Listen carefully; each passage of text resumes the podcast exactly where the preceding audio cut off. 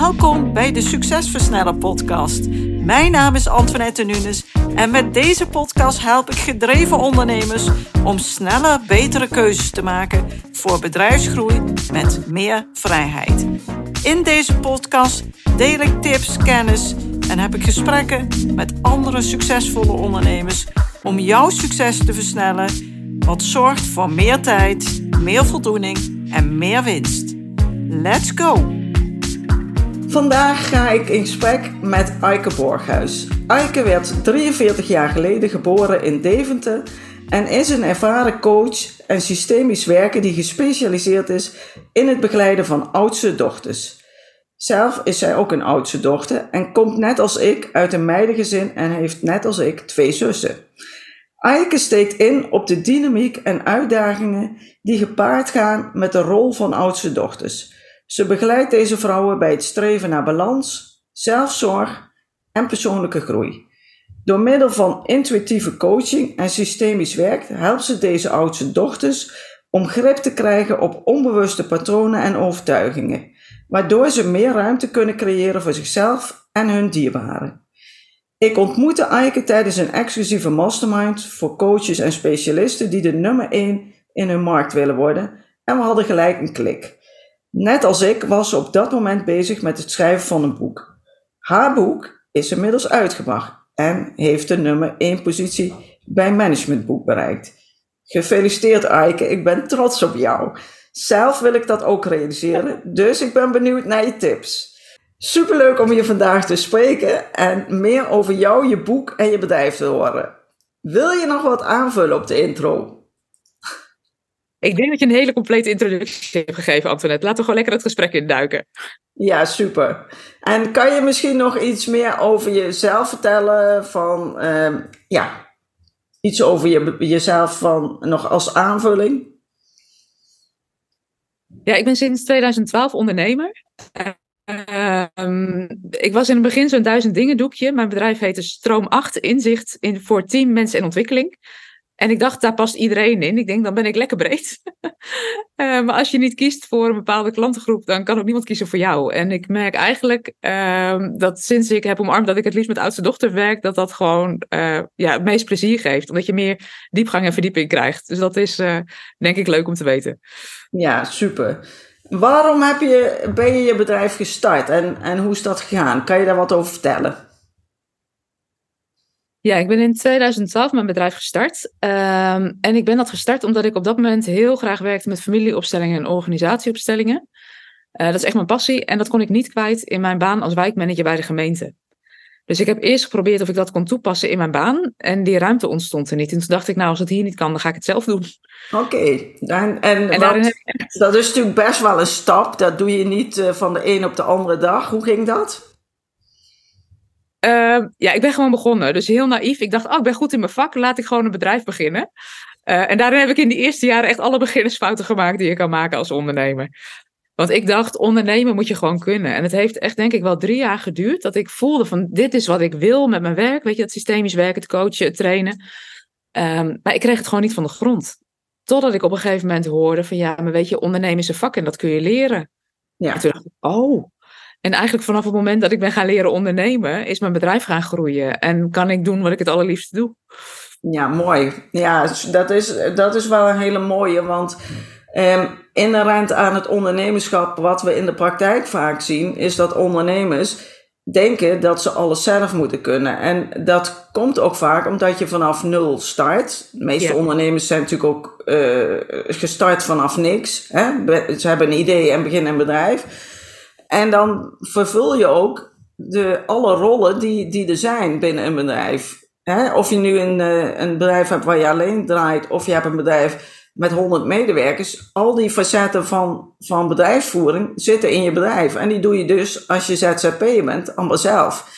En dat moet je dan gaan loslaten. Dat is natuurlijk altijd ingewikkeld. Maar ook is wel wat jij zei, dat ondernemers vaak denken dat ze het ook allemaal zelf moeten kunnen. En dat het eigenlijk een natuurlijk iets is. Terwijl als jij goed wil leren sporten, maakt niet uit welk sport, dan ga je op les. Dan zorg je dat je daar beter in wordt. En waarom zou je dat niet doen met ondernemen? Dus dat is natuurlijk wel typisch eigenlijk aan ondernemers. Ja, en ik denk dat oudste dochters daarin dubbel belast zijn. Want die hebben van jongs af aan ook geleerd om alles zelf en alleen te doen. Uh, dus, dus dan uitreiken en hulp gaan inschakelen. Het idee dat je het niet zelf kan, is heel nieuw en heel spannend. Ja. Ik zie daarin ook vaak dat oudste dochters lang wachten totdat ze hulp inschakelen. En ik weet ook nog dat ik ontdekte dat mijn rode datum in mijn bedrijf, want ik ben in 2019 met een marketingcoach bezig geweest. Toen ontdekte ik eigenlijk van, hé, hey, mijn ideale klanten zijn oudste dochters. En toen ik dat ontdekte, zei ik in dezelfde zin, ja, maar dat is helemaal niet handig hoor, want die doen het allemaal wel zelf. en toen zei ze ook tegen, ja, maar Aike, je werkt al met ze, dus wat je, zegt, wat je nu zegt klopt niet. En ze zegt, doe jij alles alleen? En toen dacht ik, oh ja, weet je, in het begin heb ik wel alles alleen gedaan. Maar eigenlijk vanaf het moment dat ik hulp ben gaan inschakelen, ben gaan leren ondernemen, ben gaan werken met een team, werd alles leuker en makkelijker. Ja. Ja. Ja, nee, heel, heel goed. En uh, dat is denk ik een belangrijke tip al. Uh, schakel op tijd hulp in. En zeker voor de dingen waar je of iets in te leren hebt, of waar je zelf gewoon niet zo goed in bent. Zorg dat je mensen naast je hebt die daar wel goed in zijn. Zeker. Zeker. Ja, en, en, daarin ook, want ik vond dat zelf, als ik kijk naar het begin van mijn ondernemerschap, vond ik het heel spannend om te investeren in een ondernemerscoach. Ik vond het heel spannend om mijn team te gaan uitbouwen. Uh, maar je neemt jezelf als ondernemer ook serieus. En ik merk dat dat ook iets doet in de groei van jezelf, in je rol als ondernemer en ook in um, ja, ja, de klanten die je werkt, de klanten die je aantrekt. Dus ik merk dat het aan, ja, het, het werkt aan twee kanten, werkt het positief. Ja, zeker, zeker. En als je nu kijkt naar de afgelopen jaren, heb je heel veel lessen mogen leren uit je ondernemerschap. Hè? Ja. En wat is een belangrijke ervaring die je zegt van, nou, dat, had ik dat maar als beginnende ondernemer bijvoorbeeld geweten, of had ik dat maar eerder geweten? Wat is een belangrijke les waar jij zegt, die wil ik wel graag delen? Ja, de allerbelangrijkste les is ondernemen is een vak apart. En dat mag je gaan leren als ondernemer. Dus um, als ik nu ook kijk naar mezelf, ik ben nu 13, nee, vanaf 2012 ondernemer. Ik heb altijd een coach. Ik heb altijd iemand die me scherp houdt, die ook mijn blinde vlekken laat zien. Um, ja, ondernemen, je hoeft het niet alleen te doen. Dus ik heb voor allerlei verschillende deelfacetten in mijn bedrijf heb ik hulp. Ja, ja, ja super. Ja. Ja. En uh, ja, je, bent, je hebt net al verteld een beetje over de start van je business. En je zegt, nou, ik ben in 2012 gestart, zei je volgens mij. Ja. Uh, dat zijn natuurlijk inmiddels al uh, nou, elf jaar waar je, waar je aan het ondernemen bent. Ja. Uh, daar zijn natuurlijk groeifacetten. Je, je komt van de ene fase in de andere fase. Eh, kan je daar iets over vertellen? Wat, wat bijvoorbeeld wat je ervaren hebt? Um, wat ik in ieder geval ervaren heb, ik denk dat het goed is om te weten, ik ben in 2012 mijn bedrijf gestart en heb dat tot 2016 gecombineerd met een baan in loondienst. Dus dat was, ik was hybride ondernemer. Um, en toen voelde ik van, um, als mijn bedrijf wil doorgroeien, dan moet ik nu die volgende stap gaan zetten. En dat is het moment dat ik mijn baan heb opgezegd en volledig ben gaan, ja, in dat ondernemerschap ben gestapt. En ik merkte, ja, wat je aandacht geeft, groeit. Dus op het moment dat je kiest voor dat bedrijf, merkte ik ook dat het ineens ging stromen. Um, wat voor mij ook zo'n moment is geweest. Ik denk dat je je ondernemerschap ook kan vergelijken met opgroeien. Um, en ik merk er nu zelf ook weer dat ik in zo'n groeistuip zit. Uh, dat mijn bedrijf van die adolescentie uh, eigenlijk doorgroeit naar dat, naar dat volwassen ondernemerschap. En ook iets vraagt van mij als ondernemer. Ja. Uh, dus, dus ja, ik probeer mezelf ook altijd te zien als een lerende leider. Uh, ik, ik leer en groei en ontwikkel daarin door. En ik stel mezelf ook de vraag, en ik denk dat dat voor jouw klanten ook relevant is, van wat heeft dit bedrijf eigenlijk nodig uh, op lange termijn, in plaats van dat ik nu kijk van waar zit ik nu in mijn bedrijf en wat zou die volgende stap kunnen zijn. Ja. En ik denk dat dat een hele belangrijke ondernemersles is voor mij, want anders redeneer ik vanuit mezelf. Terwijl ik denk, ja, eigenlijk een bedrijf wil organisch groeien. En wat heeft dat bedrijf nou eigenlijk nodig? Ja, en, en inderdaad, uh, ja, ik, ik leer mijn klant ook altijd inderdaad, kijk naar die lange termijn, hè, want dat is de enige manier om een verandering te bewerkstelligen. Anders blijf je in cirkeltjes ronddraaien en dan ga je niks veranderen. En uh, ik, ik deel het ondernemerschap vaak in, uh, in drie fases. En dat is de eerste fase, dat is de vakman-vakvrouw fase, de expertfase. En de tweede fase, de ondernemersfase. En die ondernemersfase vraagt al veel meer van jou dat je, dat je niet meer de expert en de manager bent die alles aan het runnen is, maar echt op die ondernemersstoel, dat noem ik dan in de driver's seat, dat je daar in plaats gaat nemen. En, dat je, en daar zit jij denk ik nu ook heel erg in, in dat proces. Ja, en het is daarin ook wel de zoektocht van wat wil je zelf nog als ondernemer. Hè? Want ik, vind, ik ben natuurlijk een vakvrouw. Ik hou van werken met klanten. Uh, ik wil kwaliteit leveren. Ik wil me daarin doorontwikkelen. En het bedrijf heeft iets nodig. Dus ik ben met name aan het kijken van hoe zorg ik dat ik de rest, wat daar niet mee te maken heeft, uh, dat ik dat kan wegorganiseren. Dus hoe kan ik de visionair zijn en wel de inhoud en de content creëren. Ja. Um, ja en de rest uh, laten doen door andere mensen. Ja, ja. Nou, super interessant en leuk. Ja, en spannend. ja, ja. Uh, nou, en dan heb je natuurlijk je boek geschreven. Ja. Het verborgen leiderschap van oudste dochters. Ja. Uh, ik weet van jou dat je het verlangen al altijd hebt gehad, dat je heel graag een boek wilde schrijven. Nou, Klopt. het is er. Het is zelfs uh, al een bestseller. Nou, wie wil dat niet die een boek schrijft? Dat is natuurlijk altijd de uitdaging. Kan je wat meer vertellen over je boek en het proces, hoe dat is verlopen? Ja, ik heb uh, alle beginnersfouten gemaakt die je kan maken in dat boekproces. Dus ik denk dat het zo goed om, uh, om mee te beginnen. Maar ik denk wat. wat um, ik had vorig jaar heb ik een feestje gegeven omdat mijn bedrijf tien jaar bestond. En toen vroeg ook iemand aan mij van, hey, wat is nou je volgende stap of je volgende mijlpaal? En toen zei ik voor die hele groep, ik wil een bestseller schrijven. En wat er gebeurde is dat er een beetje werd gelachen van, ah, weet je, meteen een bestseller, kan het niet gewoon een boek zijn? Uh, maar ik heb eigenlijk vanaf het moment dat ik, dat ik voelde van ik wil dat boek schrijven, heb ik ook het verlangen gehad dat dat boek veel mensen zou bereiken. En op het moment dat je die droom hebt, ga je andere stappen zetten dan wanneer je denkt ik wil een boek schrijven. Dus ik denk droom groot en zet kleine stappen. Ik denk dat die al, dat, dat al een waardevolle volle les is. Zeker. Um, ik ben gewoon begonnen um, eerst met onderzoek doen. Dus boeken gelezen over schrijven, boeken gelezen over bestsellers schrijven, masterclasses gevolgd. Hoe, volg je, ja, hoe schrijf je een bestseller? Onderzoek gedaan. En toen heb ik de grootste fout gemaakt die iedere schrijver of auteur kan maken. Ik dacht, ah, die kapstok en die achterflap, laat maar zitten. Ik ga gewoon schrijven. Nou ja, toen, toen liep ik vast. Ik denk dat dat begin 2022 was. Ik, wat ik ook probeerde, ik kreeg geen letter meer op papier. En nou ja, oudste dochters die proberen dat natuurlijk eerst zelf al ploeterend op te lossen. Maar ik dacht op een gegeven moment, ja, dit werkt niet. Dus ik heb Ina Boer gevraagd. Zij is voormalig uitgever en schrijfcoach.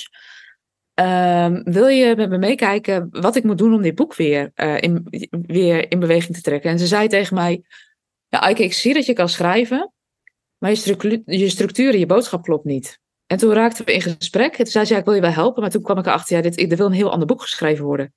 Dus dat eerste manuscript, wat voor 80% af was, heb ik echt in de prullenbak ge gegooid. En ik ben echt opnieuw begonnen.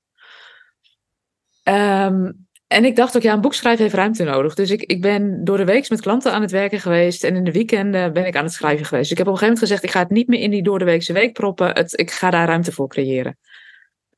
Um, toen heb ik weer bijna dat hele manuscript afgeschreven. Dus uiteindelijk had ik 93.456 woorden. En een gemiddeld managementboek is 50.000, 55.000 woorden. Dus ik had de uitgever uh, het, stuk toegestuurd, of manuscript. En toen dacht ik, nou, ik ben benieuwd wat ze ervan vindt. En toen hadden we elkaar de telefoon. Toen zei ze, Aike, ik zie dat je kunt schrijven. Maar het is niet goed genoeg. Er moet geschrapt. Uh, er zitten dubbelingen in. Um, en toen zei ze, ja, we kunnen drie dingen doen. Of jij gaat schrappen, of ik vraag een schrijfcoach om mee te kijken. Of we stoppen de samenwerking. En ze zei wel, ik heb, uh, er zit een goed boek in en ik wil het graag uitgeven. Dus dat vertrouwen was er. Nou, toen heb ik daar, ik dacht, nou, daar moet ik een weekend over, uh, over slapen. Dus ik heb een flink potje gejankt weer. Ik denk, gaan we weer? ja. ja. En toen zei mijn man tegen mij, want ik had echt zoiets, ik kap er gewoon mee, weet je. Zoek het maar uit bij dat hele boek, ik heb er geen zin meer in. En toen zei mijn man tegen mij, ja, Aike, weet je, je zit midden in die bevalling nu. Je gaat nu echt niet stoppen. Ja. Um, dus hij zegt, jij gaat nu door, ik sta naast je, ik chef thuis de boel en uh, je gaat het nu, ga je het afmaken. Nou, dat is super, hè? Ja, die steun is, is ontzettend waardevol. Ja. ja. Ja, en ik heb die maandag met de uitgever gebeld. Zij zei weer, ik wil het graag uitgeven, er zit een goed boek in. En toen heb ik gezegd, ja, wil je me helpen? Want je vraagt me nu om een arm en een been van mijn eigen kind af te hakken. Ik kan het gewoon niet. Ja. Nou ja, toen is Carly, schrijfcoach, erbij betrokken geraakt. En die heeft dat heel zorgvuldig en dat proces heel netjes begeleid. Ze heeft dat arm en dat been eraf gehaald, maar wel op een manier die voor mij te doen was. En toen ben ik weer gaan herschrijven. En um, ja, het voordeel was dat er dus 40% uit was in plaats van 30%. Dus ik, er was minder boek over.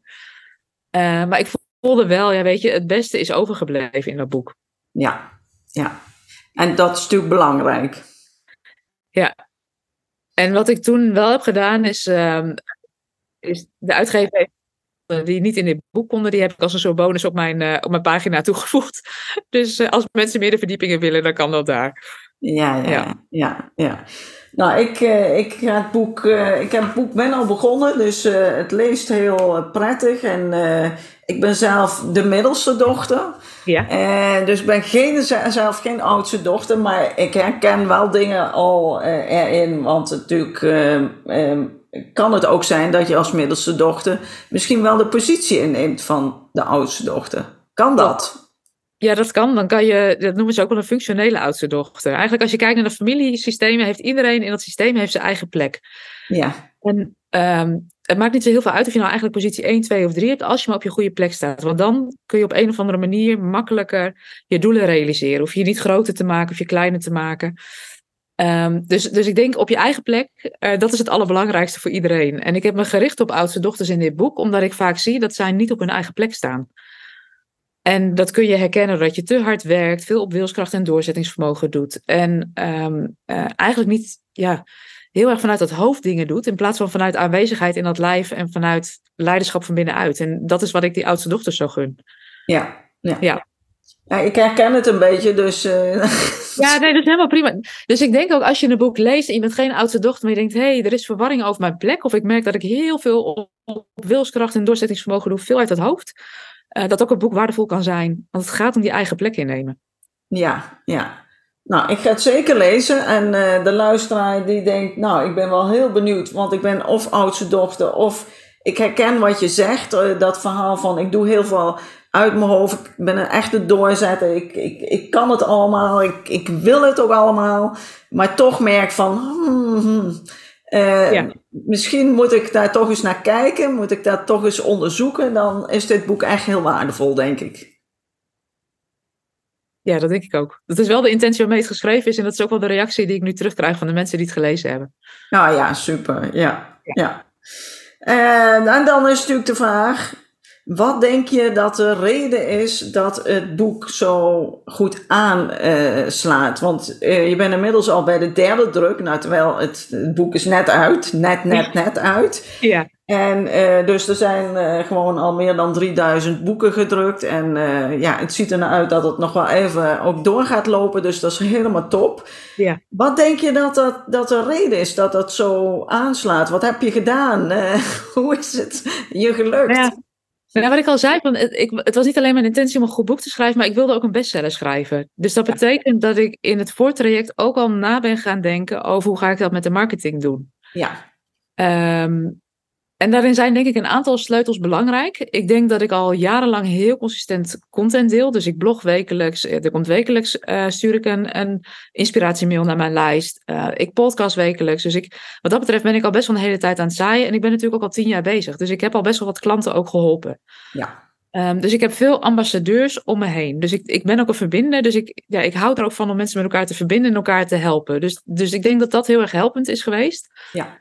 Um, en wat wat ik denk is dat oudste dochters, um, die zitten vaak op leiderschapsposities. Dus die hebben zich herkend in de titel van het boek, Het verborgen leiderschap van oudste dochters. Um, je bent het of je bent het niet. Dus je denkt, oh, dat boek is voor mij of dat is het niet. Ik denk dat de titel pakkend is geweest. Het verborgen leiderschap, het maakt nieuwsgierig. Ja.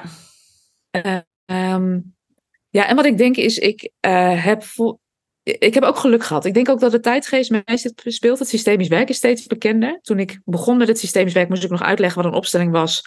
En dachten mensen, wat ben je voor een heks? Hier heb je de bezemstil, uh, vlieg weg. Ja, nou ja, en ik was zelf ook heel sceptisch. De eerste keer dat iemand tegen mij zei, je zou iets met een familieopstelling kunnen doen. Toen dacht ik, ja, zo'n toneelstukje gaat me helpen. ik was echt heel sceptisch. Dus ik heb daar ook twee jaar niks mee gewild. Want ik denk dat het in 2008 al voor het eerst uh, op mijn pad is gekomen. En in 2010 ben ik voor mezelf een opstelling gaan doen. En daar vielen zoveel puzzelstukjes op een plek.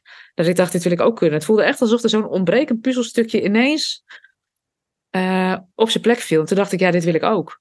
Ja. Toen ben ik eigenlijk begonnen met de opleiding. Maar ik weet ook nog wel dat, dat als ik dan... Ik, ik, het was zo'n passie voor mij dat ik echt zo'n zendeling werd. Dus iedereen moest aan de opstelling. Dus ik denk als je me in die tijd had leren kennen, dat je me echt hopeloos irritant had gevonden. ja.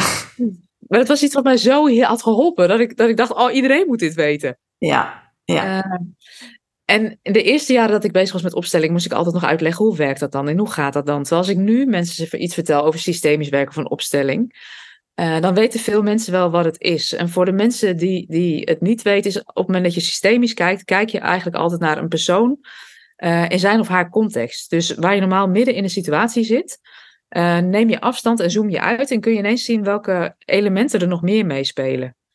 En dat kan dus gaan over hoe neem jij je plek in in dat familiesysteem, maar bijvoorbeeld ook welke plek neem jij in als leider van je bedrijf. Ja. Een van de dingen die ik zelf bijvoorbeeld heb, heb moeten ontdekken, is dat ik heel graag vriendjes wilde zijn met mijn team. En ik wil ook graag samenwerken met mijn team, maar ik heb in het bedrijf een andere plek en positie. Ik ben die leider, dus dat betekent dat ik vanuit die, die rol eigenlijk nergens echt bij hoor. En ik denk dat dat voor jouw ondernemers ook bekend of vertrouwd is als ze dat horen. Van je bent op die toppositie in dat bedrijf, ben je eigenlijk gewoon alleen. Ja, ja zeker. Ja, het is dat... alleen. Dus het kan heel. Ja, dus dat vraagt denk ik ook voor, voor ons dat we zoeken naar ondersteuning buiten het systeem waarin we werken. Om met gelijkgestemden wel te kijken hoe ga je groeien, hoe ga je ontwikkelen. Dat iemand je net even spiegelt op die blinde vlekken, laat zien wat je zelf niet ziet. Ja, en dat is ook wat ik beteken voor die oudste dochters op die topposities. Ja. Um, van een afstandje, ja, weet je, ik, ik kan die onafhankelijk sparringspartner zijn naast ze, om mee te kijken, hey, wat heb je nodig om die volgende stap te kunnen zetten? Ja, ja, ja. Ja, ik denk dat het heel. Uh, ik, ik heb, heb, het zelf nog nooit uh, ervaren, zeg maar, systemisch ja. werk. Ik ken het wel van, uh, ja, van de verhalen, van mensen die daar wel eens wat over verteld hebben. Maar ja, en wat jij zegt ook ehm, voor ondernemers, welke plek neem ik nou in? Dat wij kijken wel van Hè, wat, je zult dus als, als ondernemer die een bedrijf leidt echt wel leiderschap moeten tonen. En dat is niet altijd makkelijk. Dus in die zin kan het best wel goed zijn. Ik, doe wel, ik kijk wel heel erg naar hoe je communiceert. Hè? Op welke manier communiceer je nu? En, en hoe communiceer je met anderen? En op welke manier communiceren zij? Zodat je ook optimaal communiceert, zeg maar. Want dat is natuurlijk ook heel belangrijk. Maar inderdaad, die rol is ook heel interessant. Hoe zit jij in jouw rol en past dat jou? Ja, want ook als, ik, als, als je vertelt over, over jouw, uh, jouw klanten, weet je, op het moment dat jij uh, je meer vrij wil spelen van de business, betekent het dat je niet uh, helemaal in de uitvoering kan zitten. Dus het betekent dat je, dat je gaat kijken, wat heeft dit bedrijf nodig van een leider? Ja. En dat is anders als de vakman waarmee je vaak, of de vakvrouw waarmee je bent opgegroeid, of waar, van waaruit je dat bedrijf bent gestart. Ja, ja klopt. Klopt helemaal. ja. ja. Ja, dus, dus soms vraagt het ook, hey, welke plek en positie neem ik nou in en wat, wat heeft dit bedrijf nou nodig? In plaats van wat heb ik als persoon nou nodig of wat zou ik graag willen? En dat is, als je dat uit elkaar trekt, worden bepaalde besluiten nemen ook makkelijker. Ja, ja, ik moet ook zeggen dat ik uh, met mijn klant ook altijd kijk naar wat wil jij? Wat is jouw doel? Wat is jouw ja. Ja. En wat is uh, het doel van het bedrijf? En natuurlijk ja. zit dat heel dicht tegen elkaar, want als ondernemer ben jij voor een deel dat bedrijf en heb je dat gebouwd en heb je dat ook op jouw verlangen gebouwd. Maar uh, het zijn wel twee verschillende aspecten, inderdaad. Ja, en het is ook wel heel interessant wat je nu zegt, want ik denk dat dat voor ondernemers ook heel belangrijk is dat je niet je bedrijf bent. Ja. Want op het moment dat jij je bedrijf bent, ja. uh, dan ben je eigenlijk geïdentificeerd met dat bedrijf. Ja. Terwijl ik denk, je bent ondernemer en je hebt een bedrijf. Ja. Ik denk dat die, die ook belangrijk is. Want ik, als ik kijk naar het begin van mijn ondernemerschap, als iemand nee zei tegen mijn diensten, dan dacht ik, waar is die steen waar ik onder kan kruipen? Want ik ben niet goed genoeg. Terwijl ik nu kan zien, weet je, een klant zegt, of een potentiële klant zegt nee tegen mijn diensten, dat ik denk, Nee, die zegt nee tegen mijn dienst. Maar het betekent niet dat ik als mens niet goed genoeg ben of afgewezen word. En als je dat uit elkaar gaat trekken, wordt het veel makkelijker om jezelf weer te herpakken. Ja, absoluut. Om stappen te kunnen zetten. Ja, ja. ja dat, dat is natuurlijk super belangrijk. En uh, die, alles wat, wat, wat je als, als uh, wat je terugkrijgt, ja, dat betrekken sommige mensen op zichzelf. Maar heel veel dingen horen niet bij jou of hebben geen betrekking op jou. En dat, ja, dat leer je aldoende leert men. En, en als je dat beter ja. kan zien, ja, dan verrijkt dat je leven enorm en maakt het leven veel leuker en makkelijker. Zeker. Ja. ja. Oké, okay, heb je nog ambities voor de toekomst, Eike? Ja, ik heb wel ambities voor de toekomst. Ik, ja, wat ik, wat ik uh, graag wil, is die meest waardevolle speler worden voor topvrouwen of oudste dochters uh, op topposities in Nederland en België. Dus dat is wel echt mijn ambitie. Dus dat, dat als je grote dromen hebt, betekent dat ook dat je andere stappen zet in je ondernemerschap. Um, dus dat is wel mijn ambitie. En hoe dat er precies uit gaat zien, dat weet ik nog niet. Dus ik, ik, ja, ik, ik beweeg daarin ook wel intuïtief mee op die stroom van, weet je, dat boek dat wordt nu opgepakt. Um, ja, wat, wat, wat is die volgende stap die ik dan nu kan zetten in dat bedrijf? Dus die pak ik zeker wel mee. Ja, mooi. Ja, supergoed. En uh, als laatste, heb je nog een mooie tip voor de luisteraar, de MKB-ondernemer, die ja, het bedrijf ook wat onafhankelijker van zichzelf wil maken, die wat meer vrijheid zoekt, die uh, ja, wel verder wil groeien, die een mooi bedrijf heeft, maar toe is aan die volgende stap. Kan jij daar iets met jouw kennis ja, nog iets over delen en een tip geven? Ja, wat ik heel vaak zeg tegen de oudste dochters met wie ik werk, ook, weet je, je moet het zelf doen, je hoeft het niet alleen te doen. Um, ik dacht in het begin dat ik het zelf moest doen, maar eigenlijk vanaf het moment dat ik ben gaan investeren in business coaches, in ondersteuning in mijn team, um, groeit mijn bedrijf sneller dan ooit. Dus ik, ik merk daarin, weet je, dan kan je doen wat je goed kan, daarmee lever je meer waarde. Dus, dus dat is denk ik een hele belangrijke.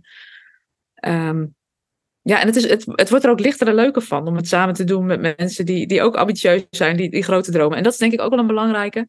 Zoek mensen om je heen die verder zijn dan jij. Ja. Um, in het begin vond ik het spannend als ik, uh, laat me zeggen, de kleinste of de domste in de kamer was. Maar nu denk ik, ja, dat is de plek waar ik het meest kan leren. Dus, dus dat maakt wel dat ik altijd dat soort plekken zoek. Dus ik, het mag ook, groeien mag ook oncomfortabel zijn. Ja, ja.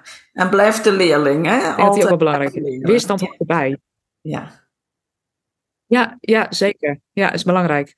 Ja, nee, nou superleuk. Dankjewel uh, Eike voor dit uh, gesprek. En uh, ja, ik denk dat een mooie, een leuk gesprek was sowieso, maar ook mooie tips in zitten waar ondernemers wat mee kunnen. Dus dankjewel. Ja, graag gedaan Antoinette. Dankjewel voor de uitnodiging. Gedaan. Bedankt voor het luisteren naar deze aflevering van de Succesversnellen podcast. Wil je vaker geïnspireerd worden over het versnellen van jouw succes en waardevolle kennis en tips krijgen over bedrijfsgroei, focus en productiviteit, als ook goede gesprekken met andere succesvolle ondernemers beluisteren? Abonneer je dan op deze podcast. Je ontvangt dan een berichtje als er een nieuwe aflevering voor je klaarstaat.